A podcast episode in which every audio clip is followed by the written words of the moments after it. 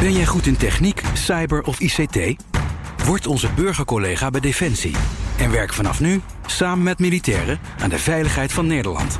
Maak jouw specialisme specialer. Ga naar werkenbijdefensie.nl. Hartelijk welkom bij CryptoCast nummer 108. Hey Madelon. Hey Herbert. Ik heb je beeldvullend gemaakt. Top, hartstikke goed. Dit, ja, uh, dan spreek ik eigenlijk alweer voor de YouTube-kijkers. En um, er zijn natuurlijk ook gewoon podcastluisteraars. Maar we zitten op YouTube. We, de, de video is ook te vinden op de pagina van de CryptoCast op bnr.nl. Maar je kunt ook gewoon naar dit programma luisteren als podcast. Nou, um, ik ga onze gast van vandaag voorstellen. En zodra die spreekt, komt hij ook in beeld. Tuur de Meester, hallo. Hoi Herbert, Madelon. Vanuit Hi. Texas. Ja, inderdaad. En we nemen dit op, uh, op een, om een uur of vier op uh, donderdag 26 maart. En ik zeg een uur of vier, maar bij jou is het hoe laat? Ergens in de ochtend waarschijnlijk. Ja, tien uur s morgens. Ja, dus de, ik zie de ochtendzon op je gezicht door het raam zo te zien. Oké, okay. ja, welkom in het programma. Leuk voor de tweede keer alweer. Um, twee weken geleden ging het even mis, maar nu ben je hier alsnog. Dat is fijn. Um, wat moet ik nog meer vertellen? Dat we geen beleggingsadvies geven, maar dat weet iedereen langzamerhand wel. En voor de rest uh, kunnen we meteen even door naar Madelon voor de prijsanalyse, Madelon. Ja, ik ga even kijken of het lukt, Herbert. Ik ga ervan uit dat hij in één keer mijn uh, browser toont. Ik pak gelijk de uh, Bitcoin chart erbij. Hier, screen share. Kijk eens. Ja, Als het goed is, zien jullie nu uh, de grafiek voor je. Ik ben ondertussen jullie hoofden even naar onder aan het slepen. Uh, we hebben hier de overview van uh, de Bitcoin chart op Bitstamp, grafiek op Bitstamp. En overal zien we nog steeds die hele mooie neerwaartse trend, die eigenlijk vanaf dit punt, ik weet niet of jullie mijn muis kunnen zien. Ja hoor.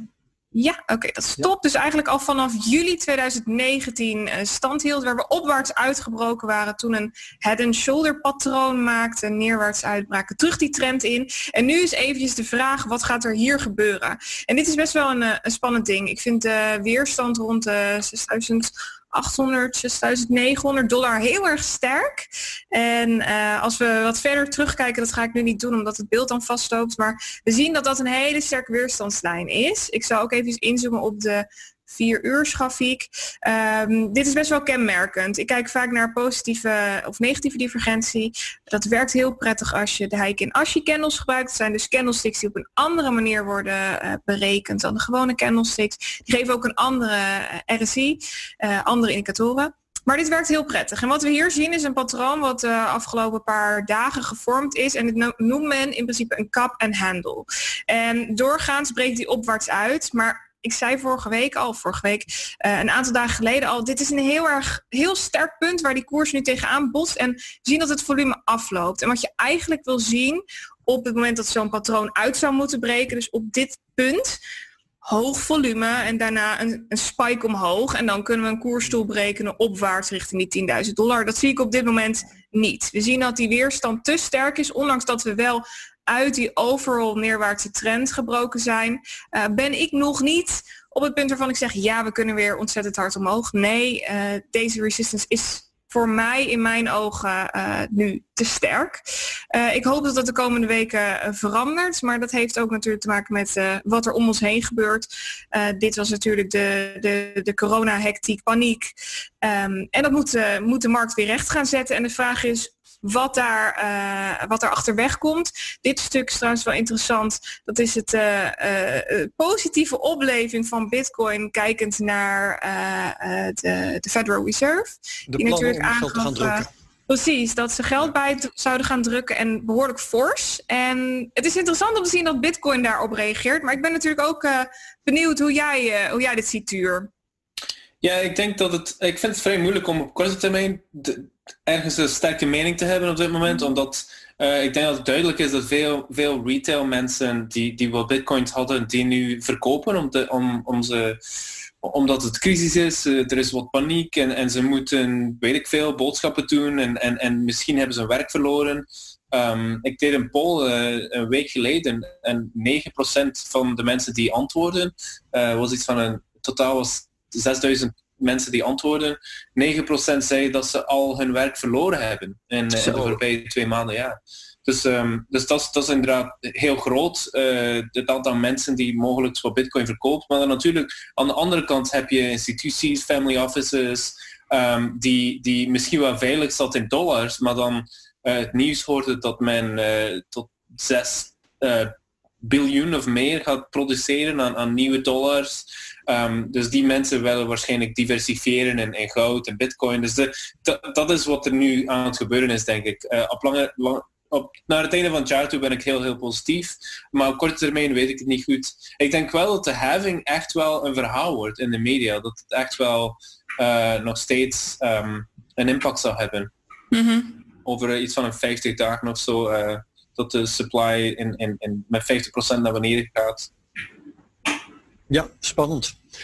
Um, dit is, dit is uh, allemaal ook in de context van corona. Hè? Uh, jij woont in Texas. Uh, we weten dat New York en Californië hotspots zijn wat dat betreft. hoe zit het in Texas? Wel, hier zijn er, hier zijn er al wat problemen. ik, ik denk, het is natuurlijk niet zo erg als in Washington State of, of New York. Um, je ziet vooral de economische effecten. Um, de, alle, alle winkels, veel, veel winkels zijn dicht. Um, je ziet veel, veel minder verkeer op straat. Um, uh, ik zie heel weinig maskers. Ik heb wel gehoord, iemand die naar een, een Aziatische supermarkt ging, dat daar iets van 70% van de klanten, die droegen allemaal mondmaskers. Dus dat zie je in het algemeen wel, dat de, de mensen met uh, connecties in Azië, dat die veel beter geïnformeerd zijn en dat die ook wel sneller daar, daar uh, en ook minder, minder sociale problemen hebben met, met dat soort dingen. Ik denk dat het gewoon een soort van een cultureel iets is, dat het, uh, ja, je bent, je bent een beetje vreemd en waarom zou je je gezicht verbergen, dat, dat dat een beetje leeft in het Westen nog. Ik ben toevallig uh, vorige week, nee afgelopen week naar de supermarkt geweest en uh, ik heb een mondmasker opgehad. En mensen keken me aan alsof ik, uh, alsof ik een alien was. Het, het, het, voelde, nee, het voelde echt heel raar en naar om uh, mezelf, maar tegelijkertijd ook anderen te, te, te beschermen in deze. Ik heb ook netjes handschoentjes aangedaan. Voor hetzelfde geld ben ik ziek en kan ik andere mensen die ook in de rij staan besmetten of met de, de automatische kassa. Je weet het niet. En uh, hier in Nederland is het niet echt sociaal geaccepteerd om uh, maskers te dragen. En ik heb het idee dat het ook een beetje uh, invloed van de media geweest is.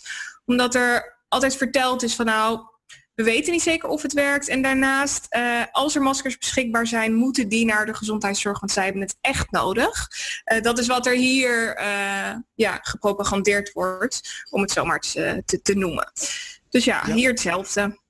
Ja, en dat, dat past een klein beetje in mijn, in mijn ervaring toen ik in Nederland woonde, is dat er een soort van, en dat, dat zeg ik dan als een beetje buitenstaander, is dat er aan de ene kant zij, is er is natuurlijk heel liberaal en je doet wat je wil, maar er is soms echt wel iets van een, ja, dat, dit is de norm en dit is netjes en zo gedraag je je. En dan als je mhm. daar buiten stapt, dan heb je zoiets van, dan krijg je soms opmerkingen of vreemde blikken of dat soort dingen. Dus ik kan me voorstellen dat misschien met die mondmaskers dat het uh, een beetje zo loopt ook.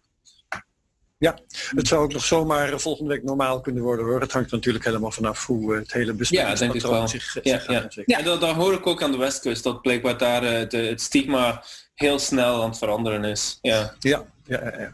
uh, was je klaar met uh, de koersen of moet je daar nog een afrondende opmerking over maken? Ja, nee, ik, uh, ik, ik voor, nu, op de korte termijn, is het echt even afwachten. En ik denk dat die, dat die halving heel veel kan gaan doen. We moeten ook kijken wat voor media-aandacht dat met zich meebrengt, wat de retail investors doen. Ik merk vanuit mijn omgeving dat er vooral nu veel familiekantoren, dus family offices, um, toch wel op zoek zijn naar uh, instapmomenten. Dus um, ja, er is nog steeds volop vraag, ondanks dat Bitcoin in de eerste instantie niet zo gereageerd heeft als dat men had verwacht. Maar goed, dan gaan we straks vast. Ja, en, en, de voorbije jaren, als, als, als, als, we het hadden over bitcoin als een soort verzekeringspolis, van ja, je weet nooit dat er, eh, weet ik veel, dat het, het, fout loopt. En dat was allemaal zo abstract en dat was moeilijk voor die family offices ja, om te snappen. Ja, terwijl als je nu het verhaal brengt van, het is een verzekeringspolis, als je nu maar misschien 1% erin stopt, als het echt fout loopt, uh, we krijgen bankruns en wat dan ook, dan hmm. opeens is dat niet zo'n vreemd verhaal meer om te horen. Klopt. Ja. Ja, ja, ja, dat is interessant. Daar gaan we het straks uh, verder denk ik ook wel meer uitgebreid over hebben. Hè? Maar uh, laten we nu eventjes uh, wat de directe koersontwikkeling betreft hierbij. Um, zijn we toe aan nieuws. Um, Tuur, had jij nog een kort nieuwtje voor ons bedacht om te vertellen nu of niet? Ja, wat mij het meest opviel de voorbije week was een nieuws uit een paar landen, maar vooral Kazachstan. Um, een van de, natuurlijk een van de grootste producenten van, van tarwe die blijkbaar uh, een, een exportban opgelegd heeft. Dus, uh, dus uh, lokale producenten mogen niet meer voedsel exporteren naar het buitenland. Het gaat over tarwe, um, wortels, suiker en aardappelen. En het lijkt me belangrijk als, als een soort van data point, want dit zou wel eens het begin kunnen zijn van capital controls. Dat men echt veel meer isolationisme krijgen, dat we meer isolationisme krijgen in, de wereldpolitiek. Um, en dat, dat, dat je dus een soort van um, leveringsproblemen kan krijgen. Dingen waarvan dat we momenteel niet bij stilstaan, dat ze in het buitenland worden geproduceerd, die opeens moeilijk worden. Bijvoorbeeld, ik had een, een medisch apparaat die ik wilde sturen van, van Amazon naar België. En die, die werd gewoon gestopt aan de grens. En ze zeiden van wegens corona uh, heeft de douane het uh, niet toegelaten om, om op de grens over te gaan. Dus dat soort dingen denk ik oh, dat het belangrijk is om, om, om in de gaten te houden. Want uiteindelijk denk ik dat we het gevolg van deze crisis zal zijn capital controls. Uh, en niet alleen goederen natuurlijk, maar ook um, geld. En dat is natuurlijk waar een bitcoin zo'n interessante belegging is, omdat het, omdat het daaraan voorbij gaat. Je kan geen capital controls opleggen aan bitcoin. Ja, um, maar even om terug te gaan naar Kazachstan, daar is het crisisgevoel dus zo intens dat men zegt we houden het voedsel maar even binnen, land, binnen het land. I mean, er, er, zijn mensen die zeggen dat het een soort van politiek spel is, dat ze een beetje met de, de, de, de hun spieren aan te rollen zijn, omdat natuurlijk Rusland hmm. daarvan afhankelijk is. Um, maar in principe ja, en ik, ik, ik zie het ook gewoon gebeuren. Er is al dat, soort van uh, um, was het niet Duitsland die een heleboel mondmaskers had tegengehouden. En dus het, het, het wordt een soort politici die wel alles doen om zelf niet de verantwoordelijkheid te moeten dragen. Dus als ze kunnen zeggen, ja, het, zijn, het is onze lokale producenten die veel te veel winstbejag hebben en we moeten zorgen dat onze eigen mensen, dat daar zorg voor gedragen worden. Dus we gaan, weet ik veel, dit nieuw programma aankondigen. Uh, dat soort zaken.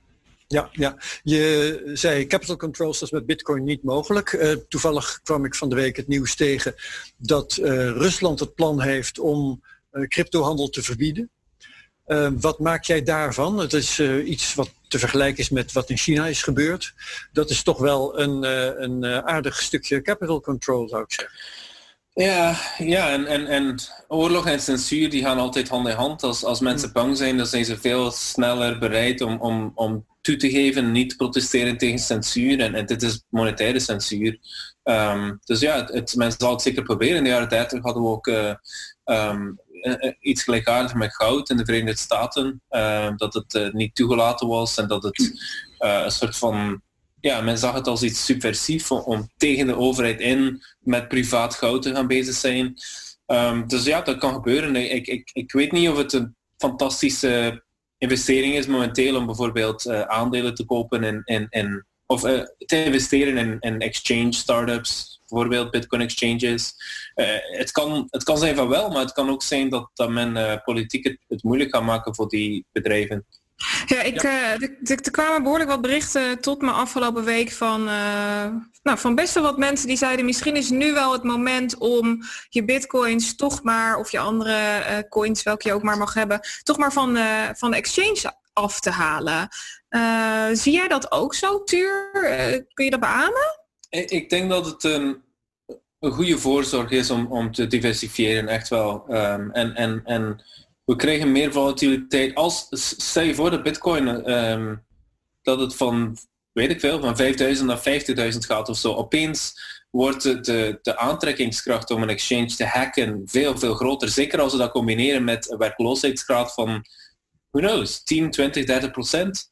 Dus, dus ik denk dat het belangrijk is om niet al je eieren in, in hetzelfde mandje te leggen als het gaat over het bewaren van je bitcoin. Mm Oké, heftig. Um, Madelon, jouw nieuws? Ik ga hem daar even bij pakken. Ik had namelijk nieuws over uh, de Senaat. Er is namelijk een wetsvoorstel opgedoken en dat heet Banking for All Act. En um, ik ga hem je even laten zien. Uh, dit is het nieuws, een bericht wat ik vond. Volgens mij is hij nog niet getoond op dit moment. Even op de screenshare nogmaals drukken. Hier staat hij. En dit gaat over ehm, een soort van digital uh, dollar. Dus het gaat hier over een digitale wallet en een digitale vorm van dollar. En ik vind het toch eigenlijk best wel interessant, want een week of, uh, nou de vorige keer toen jij hier het gast was, uh, Tuur, bij ons, toen hebben we het er nog over gehad of die digital dollar nou een dit jaar nog zou komen. En ik vraag me dan af of dit dan de vorm is waarin de dollar mogelijk zou worden ingezet. Er staat hier ook, this bill offers a definition for digital dollars, digital dollar wallet. Um, is dit dan de central bank digital currency van uh, de Verenigde Staten? Of is dit puur alleen een, een voorzet?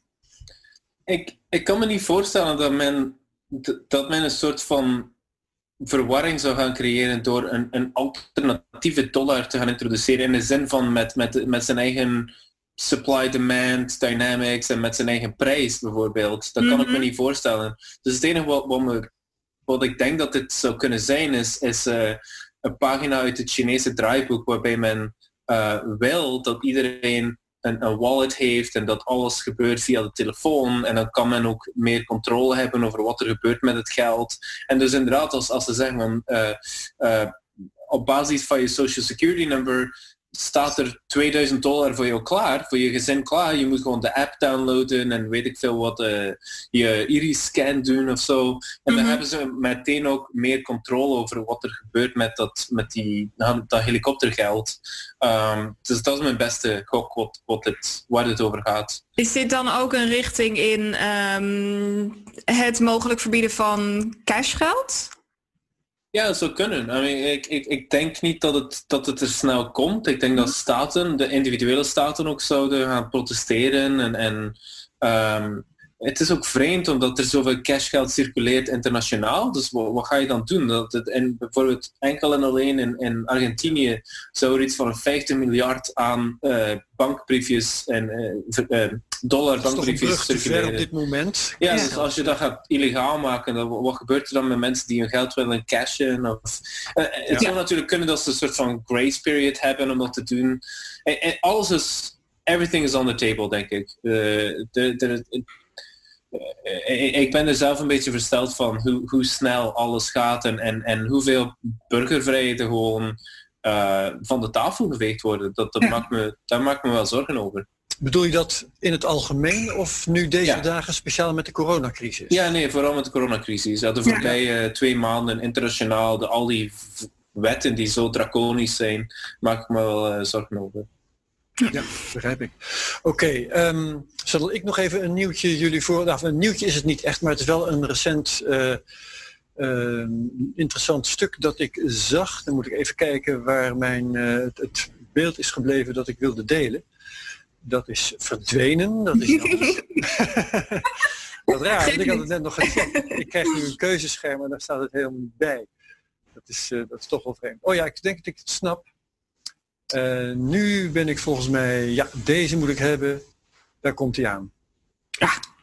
Dit is uh, de meneer die voor de Venezolaanse regering de, hoe heet het ook weer, um, de Petro heeft ontwikkeld. Mooi stuk in de New York ah. Times, de coder en de dictator. Gabriel Jiménez heet hij. Jiménez zo te zien. En is een lang stuk in de New York Times dat het verhaal van uh, zijn, zijn uh, avontuur vertelt.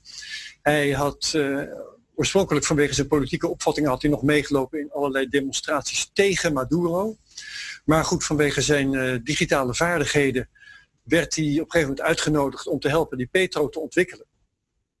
En we vertellen dit in de Cryptocast natuurlijk niet omdat we die Petro vreselijk serieus nemen, maar het is zo'n raar verhaal dat het toch de moeite loont om dat een beetje bij te houden. En dit is echt een prachtig uh, verhaal. Um, hij had die Peter ontwikkeld en hij had daar natuurlijk overtuigingen bij. Hij vond onder andere dat het een ding was dat uh, uiteindelijk gewoon op een vrije markt verhandeld moest kunnen worden. En uh, ja, het mooiste onderdeel van, van dit stuk vind ik wel het moment dat hij op een gegeven moment een televisieshow binnen wordt gelokt. En in die televisieshow krijgt hij een contract te tekenen en daarin staat nou net wat hij al die tijd niet wilde.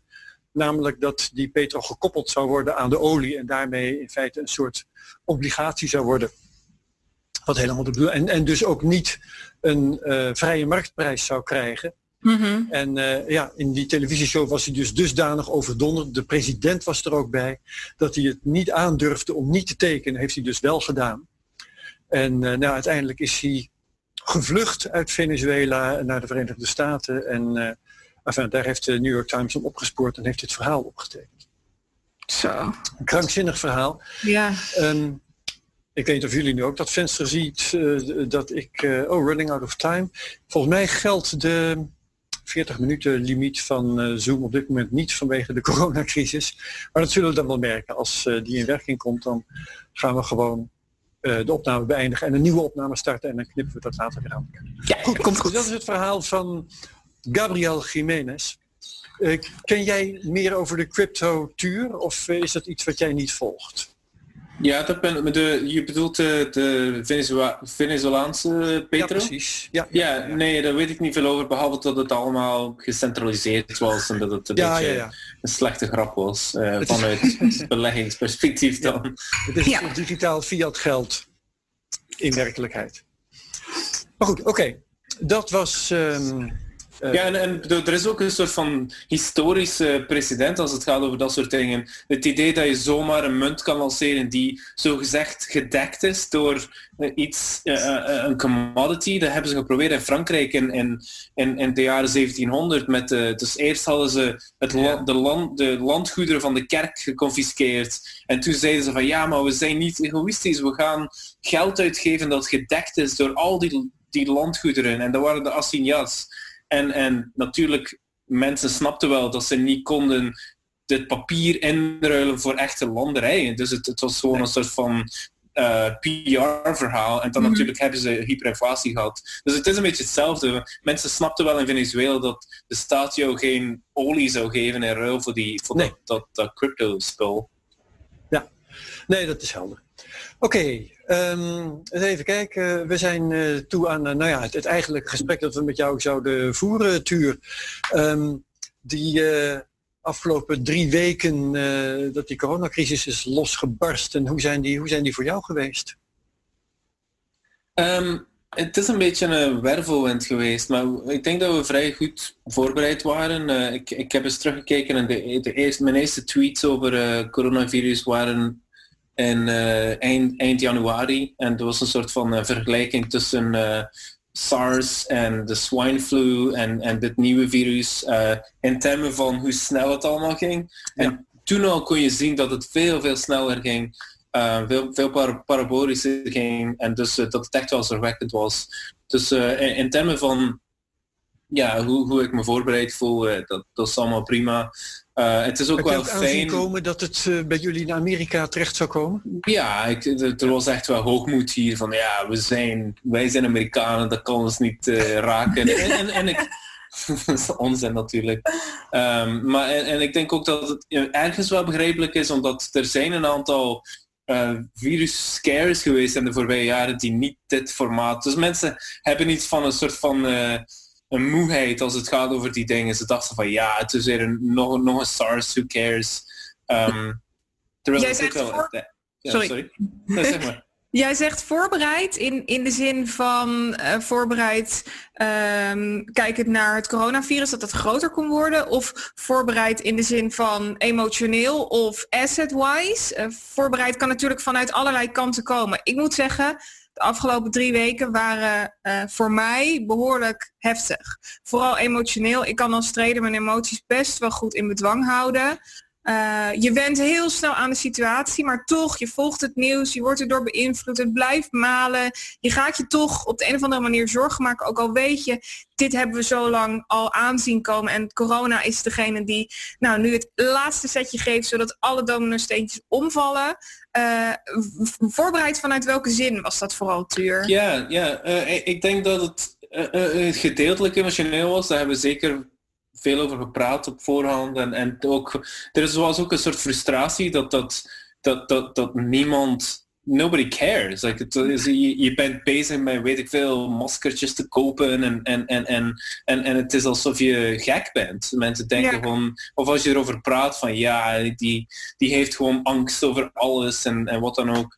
Ehm, dus dat was, dat was moeilijk. En dan, uh, maar eens het aan het gebeuren is, dan was het echt wel van holy fuck, de, hoe snel het gaat. Was echt, uh, het, uh, mevrouw zei van, het is alsof je je voorbereidt om door een, een orkaan te gaan rijden. En je, ja. je, je, je, je, je, gaat een, een, zware auto kopen en, en je, je stopt er alles in. En, maar het is nog anders om er echt wel door te rijden. Dat heb je nog niet gedaan. Dus je, je kan het je kan het niet volledig op voorbereid zijn omdat ja, het is gewoon iets en het is ook iets wat, wat onze ouders nooit hebben meegemaakt, onze grootouders nooit hebben meegemaakt. Het is echt wel een soort van multigenerationeel ding. Ja. Ehm, dus ja, nu je dat zegt, Tuur, vind ik het, uh, ja, leuk is niet het goede woord, maar wel bijzonder om je te vertellen dat mijn grootvader nog de Spaanse griep heeft gehad. Wauw.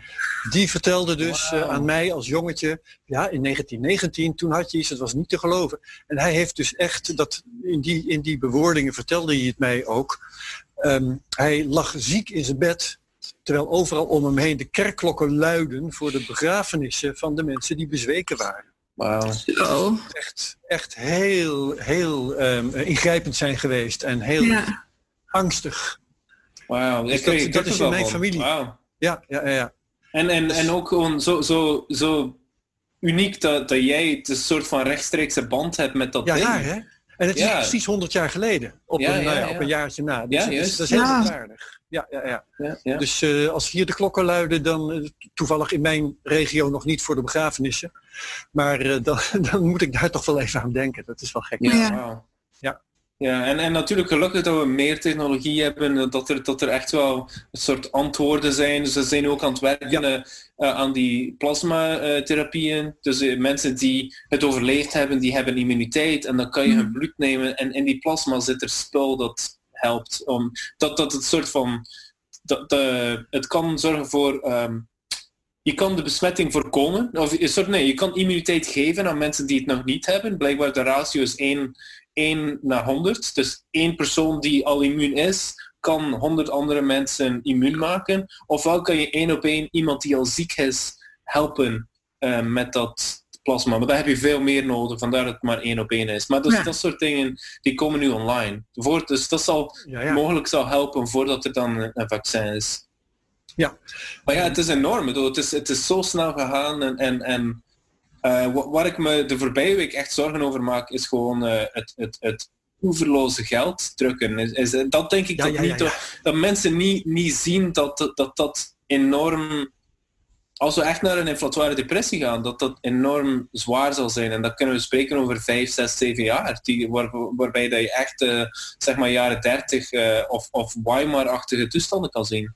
Maar dan betekent het dus ook dat je dat op allerlei verschillende sectoren ziet, neem ik aan. Dus dan krijg je dat op de huizenmarkt, maar ook in de supermarkt dat je het voelt. eh, eh, dat, je, dat je de obligatiebubbel eindelijk barst. Dat we het zien bij, bij aandelen of dat, dat niet zozeer.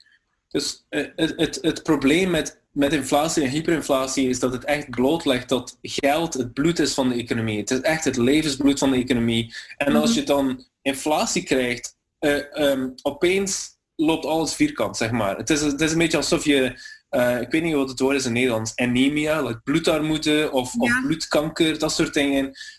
Uh, of, of immuunproblemen. Dat, al, alles gaat fout in je lichaam als dat gebeurt. Als, het, als de communicatie fout loopt, dan ga je vreemde, dan krijg je allerlei aandoeningen naar je organen, naar je huid Ja. en noem maar op. En dus dat is, het, dat is wat je ziet in, in economieën die geldproblemen hebben. Zeg maar, uiteraard Venezuela, ehm, Zimbabwe, maar natuurlijk ook ehm, Argentinië, Zuid-Amerika heeft er heel veel ervaring mee. Uh, dus dat is waar, ik, wat ik denk dat een soort van blind spot is in, in het Westen. Dat men denkt van ja, maar dat is, dat is niet voor ons en weet ik veel.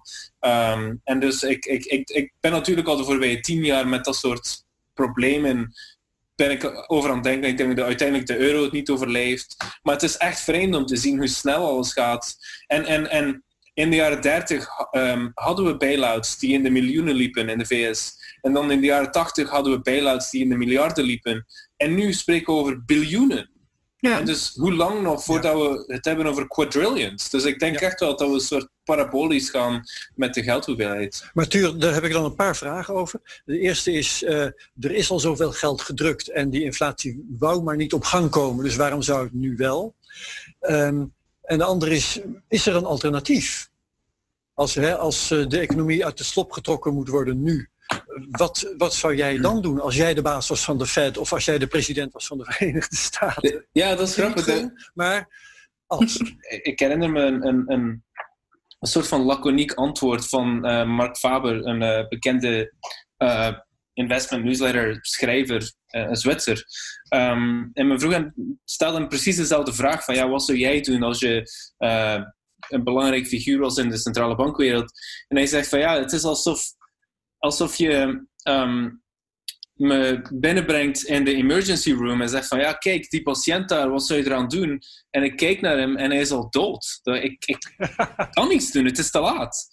Um, en en, en het doet er niet toe hoe, hoe, goed ik ben. En dus dat is een beetje, denk ik, de situatie momenteel, is dat de schulden zijn gewoon objectief te hoog. Zowel uh, als het gaat over individuen, overheden, bedrijven, al die dingen samen. Er is gewoon te veel schuld. Het is onmogelijk om dat allemaal terug te betalen. Het enige wat mogelijk is, is met de woorden van Willem Middelkoop, is een reset. Je moet een reset-button gaan, gaan in, indrukken. En er zijn maar twee scenario's mogelijk. Ofwel heb je massale deflatie, dus een, een enorme uh, faillissementsgolf um, doorheen de hele samenleving. Ofwel ga je um, uh, het geld uh, um, stuk maken. Dus als, als, het, als, als, weet ik veel, een miljoen dollar hetzelfde is als, als, als, als als je met een miljoen dollar een fiets kan kopen, dan wordt het heel snel makkelijk om schulden af te lossen. Dus dat is inderdaad wat er vaak gebeurt. Als er te veel schulden zijn, dan krijg je een soort van indirecte, indirect faillissement. En dus, ja, waarom, waarom nu? Um, eh, ik kan natuurlijk een soort verhaal brengen en, en, en ik, ik, ik heb al een paar ideeën. Dus bijvoorbeeld uh, het feit dat we dus echte werkloosheid hebben, waardoor de mensen hun schulden niet kunnen afbetalen. Dus als, als je als stort je geld op een bankrekening, dan nog zal het niet genoeg zijn. En ze hebben andere dingen aan hun hoofd, want we zitten met die coronacrisis. Um, en dus als mensen het geld niet uitgeven en de schulden niet gaan aflossen, dan, dan, eh, dan valt de piramide een beetje in elkaar. Want dan, heb je niet. Want er zijn heel veel bedrijven die zijn afhankelijk van de consumptie van de klanten enzovoort. Um, en natuurlijk lokale overheden. Denk maar aan bijvoorbeeld New York City. Uh, iets van een 60, 70 procent van hun inkomen komt van um, uh, vastgoed. Dus als de vastgoedprijzen kelderen, dan heb je een soort van heel keteneffect die, die andere overheden komen in de problemen enzovoort enzovoort. Dus daarom ook dat de, de Federal Reserve nu gaat uh, municipal bonds gaat opkopen. Dus lokale overheidsschulden gaat ze eigenlijk gaan aflossen.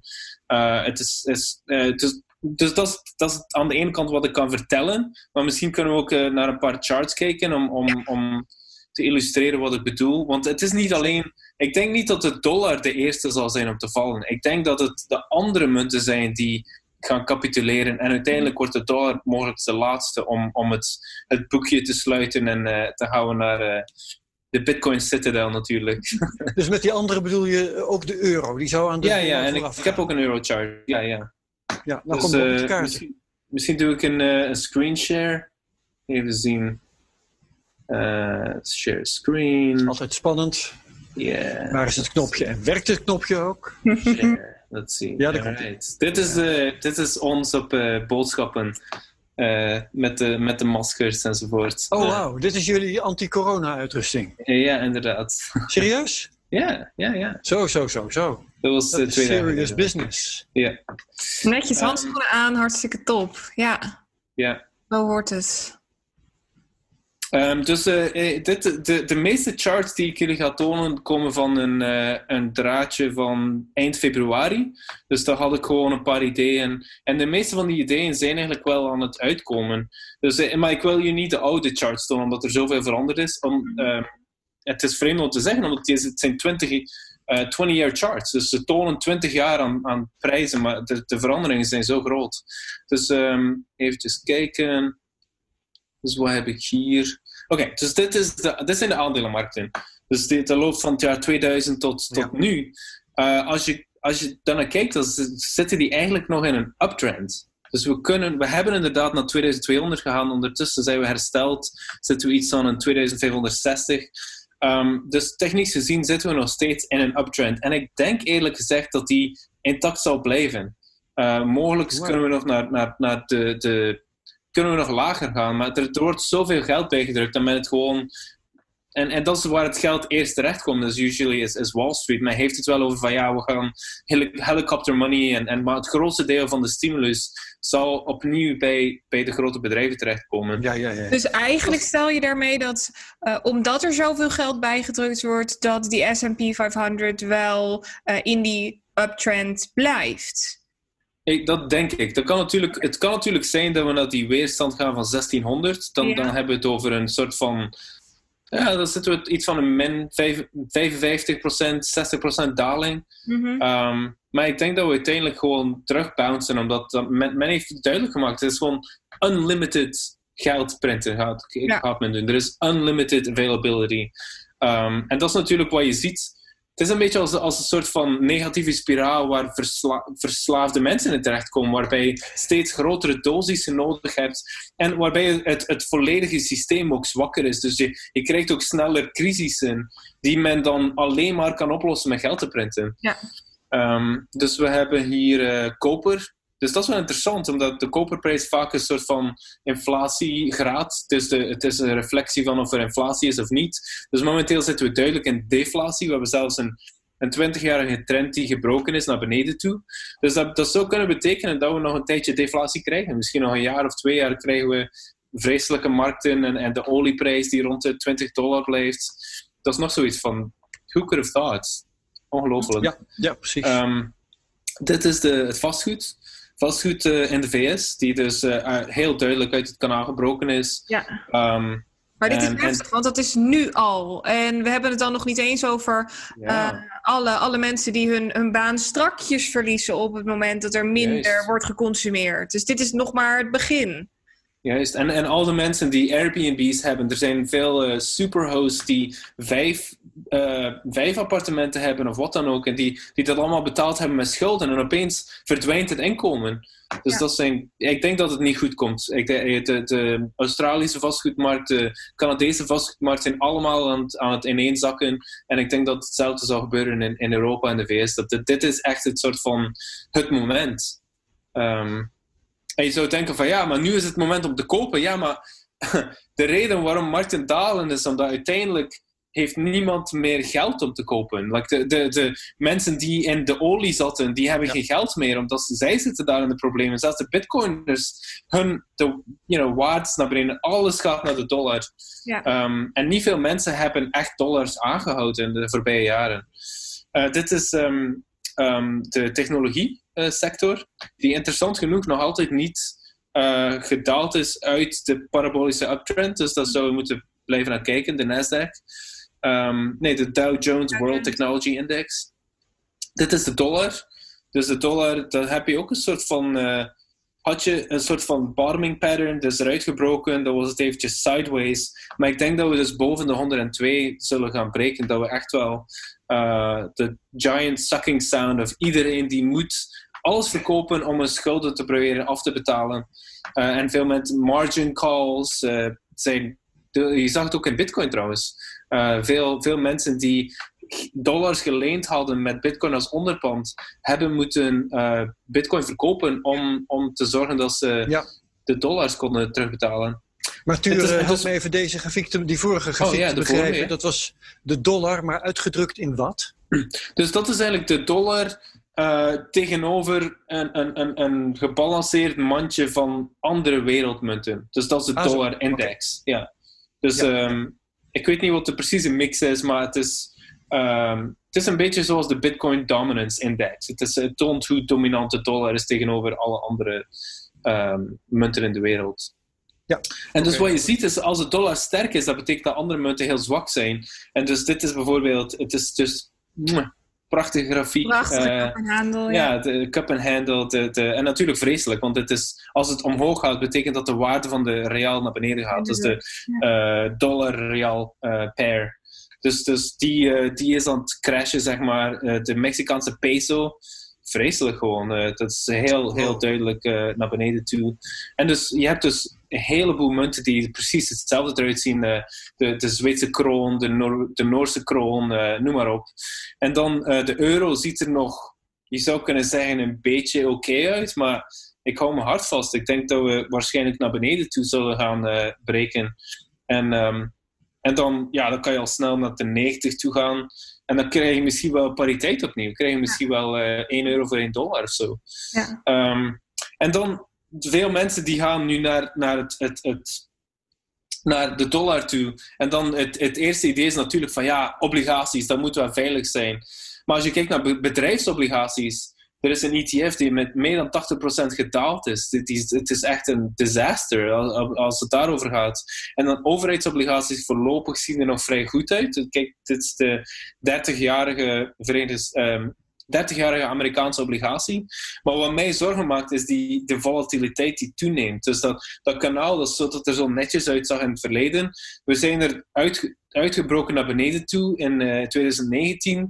En, en, en de, de bewegingen lijken me meer um, minder ordelijk te, te zijn. En dus mhm. wat ik vrees is dat dit de laatste rally is en dat we dan een obligatiecrash gaan krijgen. Ik weet natuurlijk niet hoe lang deze rally zal duren, maar het, het zal zijn tot ofwel veel schulden zijn afbetaald, ofwel tot, uh, tot we veel faillissementen gehad hebben.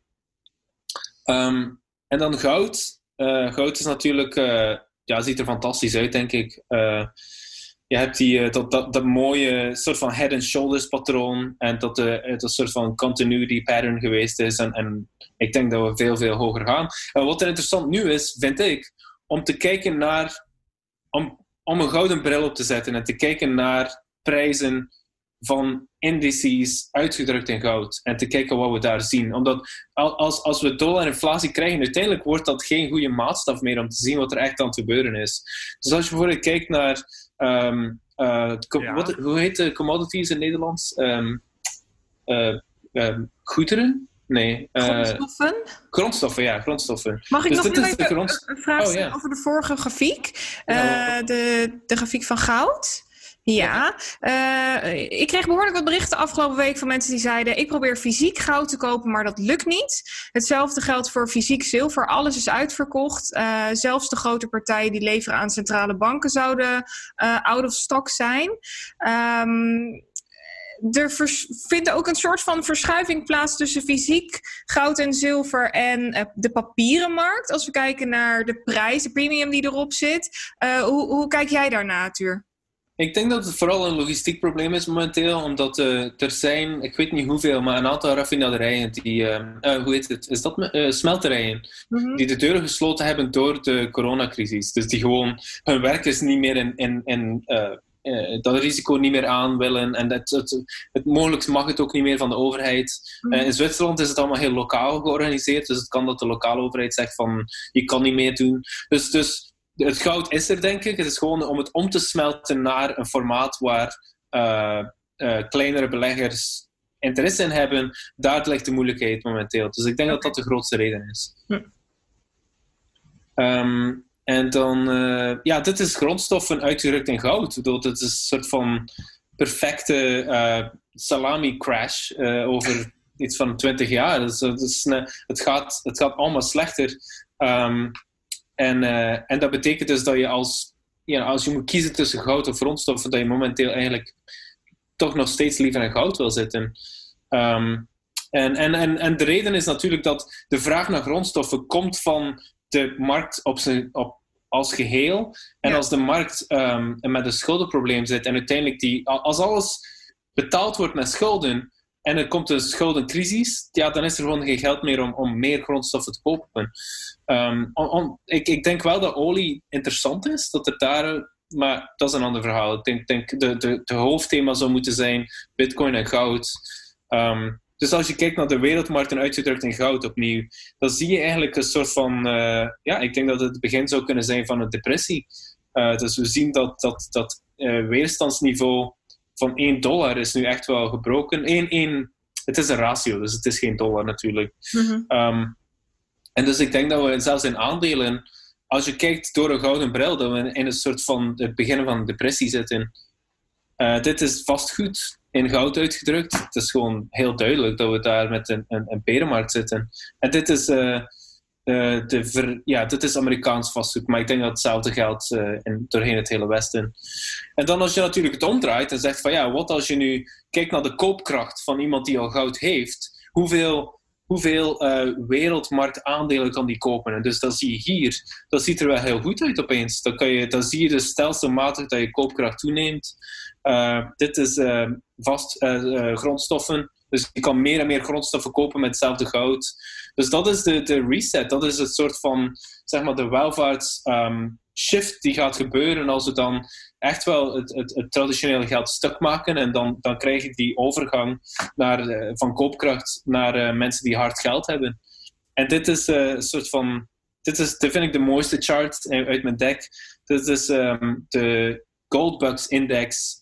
Um, gedeeld door de Amerikaanse aandelenindex. Dus dat betekent eigenlijk Um, het, was, het was heel goed om goudaandelen te hebben uh, in de jaren 2000. Dus dat deed je veel beter dan traditionele aandelen. En dan uh, beginnend in 2012 met de, de, de, correctie in goud, dan was het opeens veel beter om traditionele aandelen te hebben. Mm -hmm. Maar nu denk ik dat we echt wel zijn we bottomed out. Ik denk dat de bodem erin zit. En dat het nu veel, veel interessanter is om goudmijnaandelen te hebben dan, um, dan om traditionele aandelen te bezitten. Dus en, mensen die, die willen diversifiëren, misschien is het nu wel het moment om wat een, een beetje een shift te maken. En als we dit even een, een, oh, sorry Madelon, e- even ja. om, uh, voor de mensen die uh, geen video bekijken. Uh, dit is nu allemaal in onze videostream oh, opgenomen. Ja. Maar deze plaatjes kunnen waarschijnlijk ook wel gewoon door mensen bekeken worden die, weet ik veel, naar jouw Twitter-account gaan of iets dergelijks. Um, wel, dezelfde charts. Ja, dus misschien kunnen jullie linken naar dat draadje van februari, omdat er zijn dezelfde charts. Ze zijn alleen niet geüpdate. Dus okay. ik, ik zou waarschijnlijk wel eens een update doen. Maar voorlopig staat hij nog niet online. Dus dan moet je naar de YouTube-video gaan om, om het allemaal te zien. Ja, nee zeker. Maar anders is het alternatief dus uh, uh, meester op Twitter en dan 28 februari. Ja, ja ik tweet wel ja, vaak, dus je zal moeten ik zal, terug, behoorlijk een linkje hiervan uh, even in de show notes. Lijkt me ja, goed. Okay, goed. Ja, dus dat was mijn laatste chart. Ja, we hebben nu alle, alle grafieken bekeken, Tuur. En uh, wat ik hier eigenlijk uit opmaak is dat jij uh, vooral zegt... Uh, er, ja, er, zit iets heel groots aan te komen... en goud is op dit moment het beste om je vermogen um, veilig te houden, tussen aanhalingstekens. Um, maar als we dan kijken naar Bitcoin, wat kun je daarover zeggen? Bitcoin heeft nog nooit een crisis meegemaakt. We staan aan een vooravond van een behoorlijk cruciale uh, halving. We zien ondertussen allerlei dingen gebeuren met de hash rate. Uh, er wordt heel veel gespeculeerd. Wat betekent dit voor Bitcoin? Uh, ik, ik, ik, Natuurlijk, de chart ziet er een beetje lelijk uit. Uh, eerlijk gezegd denk ik dat het een soort van een, een Black Swan event was. Als ja. je dus als je, de, als je de, de, de crash eruit neemt, dan heb je nog steeds een positief verhaal. Dan zitten we nog steeds... Dan, uiteraard heb je die weerstand van 6800 en die is vrij groot. Ja. Um, maar we hebben nog steeds de bodem op 3000. We, hebben die, we hadden geen lower lows, we hadden een higher low. We zijn ja. gecrashed naar 3800. Um, en ik denk dat de... de there's no thing like Bitcoin. Het, het, is gewoon zo uniek. En het is specifiek ontworpen om. Het, het is het antwoord op deze crisis. In, in veel, op vele manieren. Als we tegen uh, capital controls, geldontwaarding, al die zaken. Uh, als, je, als je geld. Uh, bijvoorbeeld, ik, ik kan niet reizen naar mijn familieleden in Europa. En als we dan daarbovenop nog capital controls krijgen, dan hoe, hoe zou ik geld kunnen sturen naar familieleden? Ik denk heel veel mensen in China en Indië, noem maar op, die, die willen geld sturen naar familieleden. En die, kunnen het, die zouden het mogelijk wel heel, die, die kunnen het misschien wel heel moeilijk krijgen om dat te doen. Mhm. Wat als je bijvoorbeeld wel je vader die ziek is naar een beter ziekenhuis sturen en dan zit je boven de limiet met je kan maar zoveel geld sturen. Wat doe je dan? Misschien koop je wel bitcoin en doe je het daarmee. Dus ik denk dat, en natuurlijk ook de schaarste. bedoel, uh, ik denk dat de, ik weet niet um, hoe men het berekend had, maar uh, ik zag een berichtje dat um, dus al die, de Amerikaanse QE, dus de, het geldprinten, dat uh, dat, dat um, het equivalent is van 50 bitcoins. Dus 50 keer de marktkapitalisatie van bitcoin. Gaat men nu maar eventjes bijcreëren in, in een paar weken tijd. Dus, dus ik, ik zie, bedoel, moesten er veel alternatieven zijn en, en we hadden goud en bitcoin en dan nog een soort van cluster van andere soorten van hard geld, dan zou ik zeggen, oké, ja, diversifieer, maar uh, ik, ik, ik, zie de, ik zie geen sterke altcoins ook. I mean, misschien misschien kan je wat Litecoin hebben of weet ik veel, maar ik denk dat het, uh, Bitcoin is echt een no-brainer. Zeker als, als je het overdenkt als een verzekeringspolis. Um, dan, dan moet je gewoon wat Bitcoin hebben. En hoe cruciaal is die... een klein deel van je, van je vermogen daarin stoppen. Hm. Ja, dus dat, als je, ja en, en wat is het ergste dat kan gebeuren? Als je 1% in stopt, dan, uh, dan, dan kan je 1% verliezen. Maar als je in obligaties zit, die kunnen naar nul gaan. Als je, ik denk dat aandelen waarschijnlijk... Als je echt een traditionele belegger bent, dan zou ik zeggen... Uh, focus vooral op aandelen, omdat dat tenminste bedrijven kunnen flexibel zijn. Je kan een soort van selectie maken van meer robuuste bedrijven. Um, maar obligaties is, is uh, kryptonite, dat zou ook echt niet aankomen. Hoe cruciaal is die halving dan nog? Als ik jou nu zo hoor, dan is, wordt Bitcoin het in combinatie met goud. Uh, we staan aan de vooravond van een mega grote crisis, maar die halving is best wel een ding in mijn ogen. Zie jij dat niet zo? Nee, nee, ik denk, ja, ik, ik denk dat het een belangrijk evenement is. Het is ook, de timing is ongelooflijk. Eh, stel je voor dat, dat, dat het Satoshi zelf was die een soort van uh, press release deed en zegt van, en, en in mei opeens in de media komt en zegt van, alle grote munten die, die printen meer tokens bij. En wat wij doen is het omgekeerde. Wij gaan de token supply halveren omdat schaarste belangrijk is en noem maar op. In deze omgeving is het gewoon perfect. Je had, eigenlijk had je bijna geen betere omstandigheden kunnen wensen om, om dit nieuws te gaan brengen naar de wereld. En ik denk dat het, we zullen zien, maar ik denk dat het echt een verhaal wordt in de media ook. En dat mensen een soort van, oh ja, Bitcoin bestaat nog en misschien is het wel uh, een, een, een, soort van interessant antwoord. Zijn er nog uh, gevaren die die halving met zich meebrengt, waarvan je denkt, oeh, dit is iets waar wat mogelijk spaak zou kunnen lopen? Ik denk het niet, omdat we de, de berenmarkt in Bitcoin is nu al zo zo lang bezig, sinds 2017. Dus is van, zitten we drie jaar verder bijna. Ja, eigenlijk wel. Um, dat, uh, dat veel um, Bitcoin mining bedrijven echt wel kleiner geworden zijn. We hebben veel meer chips in de markt. Er is enorme diversificatie als het gaat over mining. Uh, en sommige zijn natuurlijk beter gepositioneerd dan andere. Maar ik denk dat de miningmarkt enorm gezond is en dat we dus een, een nieuw eigenlijk ons geen zorgen moeten maken over een nieuwe crisis waarbij dat uh, miners samenkomen en, en, en een soort van hard fork willen gaan forceren. Dat, dat, ik denk dat dat gevaar grotendeels geweken is. Maar Tuur, als, um, als uh, de kaarten zo liggen, waarom reageert de koers van de bitcoin daar dan niet duidelijk op? Uh, begrijpt men dat niet? of hoe zit dat? Ja, ik denk dat mensen, um, de, hoe mensen gepositioneerd waren was... Um, positief tegenover Bitcoin, maar men was niet voorbereid op, een, op 30% van de wereldbevolking under lockdown. en, dat, dat, was gewoon zelfs een maand geleden was dat bijna absurd om te denken. En het, maar het is, het is zover. En dus ik denk dat mensen. Bitcoiners zijn soms een klein beetje naïef dat, dat, dat ze denken van ja, maar iedereen gaat gewoon Bitcoin kopen. Dus als je net je werk verloren bent en je hebt huur te betalen en je hebt kinderen, dat, dan, wat doe je als je wat bitcoin hebt? Dan zou je misschien te verkopen om, om voor je gezin te zorgen. Dus ik denk dat dat is echt wel wat uh, gebeurt. En natuurlijk heb je ook fondsen, crypto-fondsen, waar uh, beleggers uh, in belegd zaten die nu, die nu moeten liquideren omdat hun beleggers bang zijn geworden of wat dan ook. Maar op lange termijn is, is het gezond dat we een soort van shake-out krijgen en dat mensen niet meer bitcoins hebben dan ze zich kunnen veroorloven. Want de volatiliteit die zal blijven, denk ik. Ja, ik had nog een, uh, nog een vraag over uh, de reserves die de banken aan moeten houden. We zien dat uh, de Fed dus inderdaad heel veel geld bij wil drukken, maar hier in Europa um, hoeven de banken ineens geen reserves meer aan te houden. En dat vind ik heel erg vreemd, want die reserves zijn juist in het leven geroepen om ten tijde van crisis genoeg liquiditeit, genoeg financiële middelen te hebben. wat zegt dit over de stabiliteit van, van banken?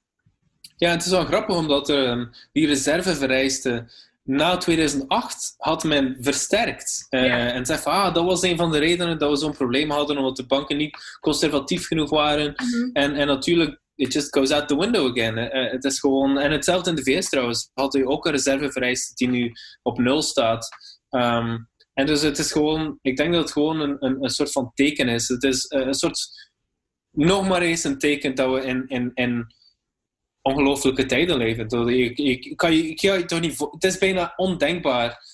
Ik denk dat het letterlijk ondenkbaar is om een bitcoinbank. Je stel je voor een bitcoinbank of een goudbank die, die helemaal geen reserves hoeft aan te houden. We kunnen ons al moeilijk voorstellen dat er een bitcoinbank is die, die minder dan 90 of 80 procent reserves heeft. Laat staan lager dan dat. Dus en, en de reden is gewoon dat we in een volledig ander paradigma zitten. Als je, als je altijd geld kan bijdrukken, dan, dan, dan het, het idee van een instituut die je geld veilig bewaart, is, is bijna houdt geen steek bijna. Het is, het, is, het is meer een spel geworden dan, dan, dan echt een serieus um, um, ja, veilig houden van je koopkracht. Mhm. Ja. Dus ja, goed, ik vind het een goed punt. Het, het, het illustreert echt dat we in, in bijzonder vreemde tijden leven.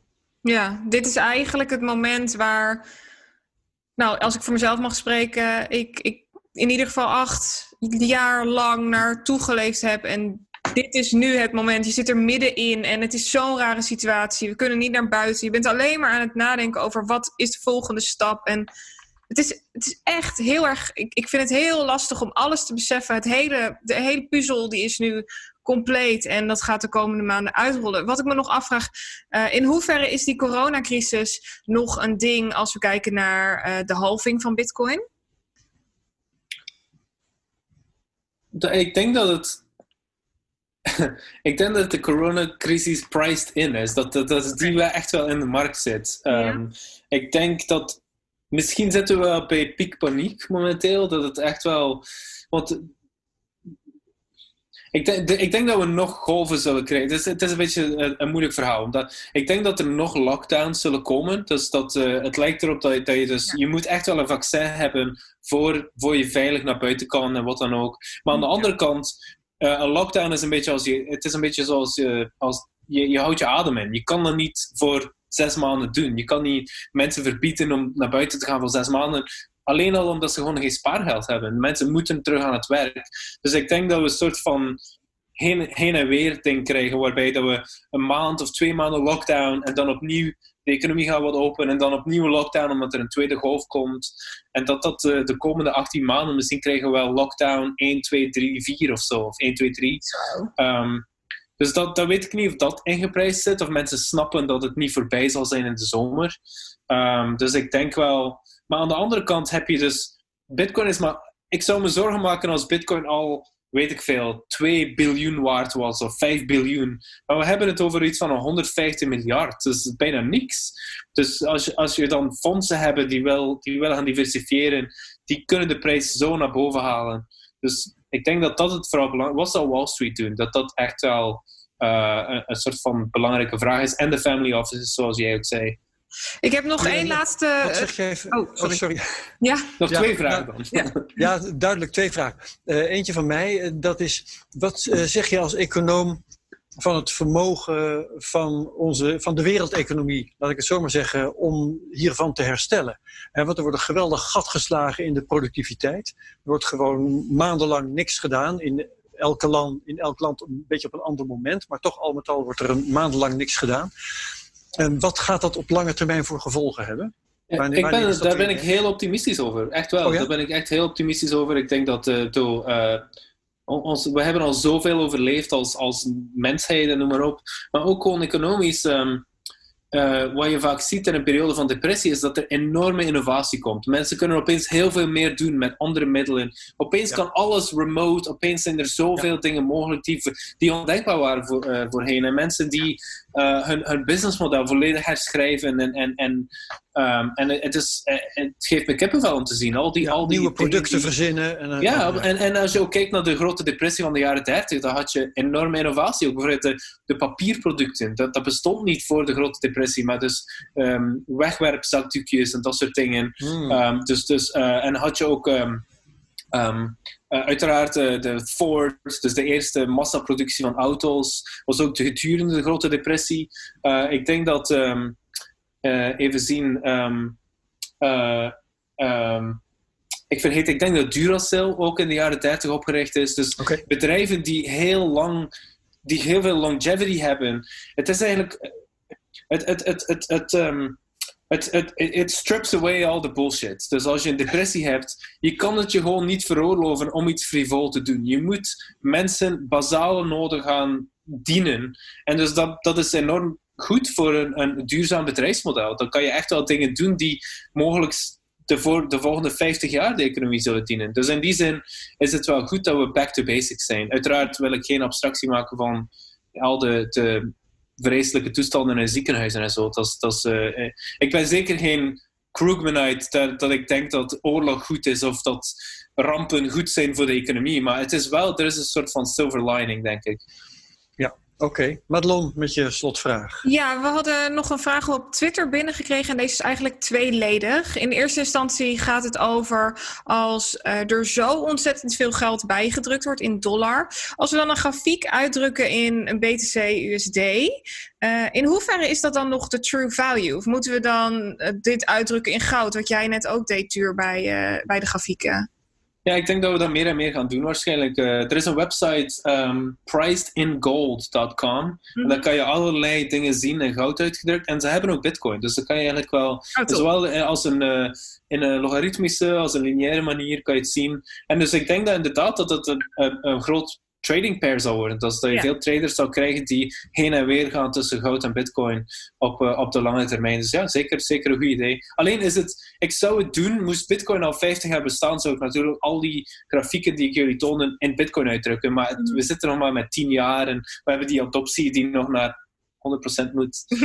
Ja, ja, ja, de tweede vraag eh, van deze tweet was: als er dus zoveel geld bijgedrukt wordt, uh, wat zegt dat dan over uh, dat overheden met dat bijgedrukte geld eventueel zelf Bitcoin zouden kunnen gaan kopen en daardoor ontzettend makkelijk Bitcoin kunnen manipuleren? Als je kijkt naar de market cap en kijkt wat er nu in de economie gepompt wordt, is dat natuurlijk een schijntje om Bitcoin heel makkelijk ja, te kunnen manipuleren.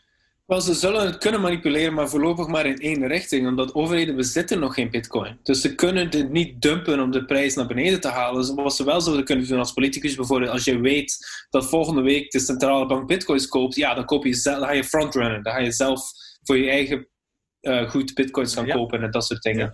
Natuurlijk is het illegaal, maar dat ding, die dingen gebeuren gewoon. Um, uh, maar, uh, en dat is het grote verschil met goud. Uh, centrale banken die in de jaren 1910 tot 1930 hebben enorm veel goud verzameld, omdat ze die overgang maakten naar fiat geld. Um, en dus hadden ze een enorme goudsupply en dan had je de London Gold Pool en, en, en andere initiatieven die erop gericht waren om inderdaad de goudprijs te manipuleren. Um, maar dat, dat kan je ook maar zo lang doen met een schaars goed. Uiteindelijk heb je geen goud meer over. En mhm. dus de balans de netto balans van uh, centrale banken is omgeslagen. Dus momenteel zijn centrale banken netto goudkopers geworden. Um, en, en, terwijl ze netto verkopers waren tot en met de jaren 90. Um, ehm, en dus ja, dus in bitcoin denk ik, ik geloof het niet dat men substantieel de, geld kan, de, de prijs kan manipuleren. Toch zeker niet naar beneden toe. Ook omdat het een wereldmarkt is. Ik bedoel, de, de, dat idee van papier, pap, de papieren uh, versie van van, um, en, en goud heb je eh, een van de grote conspiracy theories is dat er um, heel veel futures en veel contracten zijn die gebaseerd zijn op een heel kleine hoeveelheid fysiek uh, metaal. Um, maar, maar in, in Bitcoin, het, het, probleem met goud is dat audits vrij moeilijk zijn. Om dat op een goede manier te doen. De Federal Reserve had zijn laatste goudaudit, Fort Knox bedoel ik, de laatste goudaudit in 1953.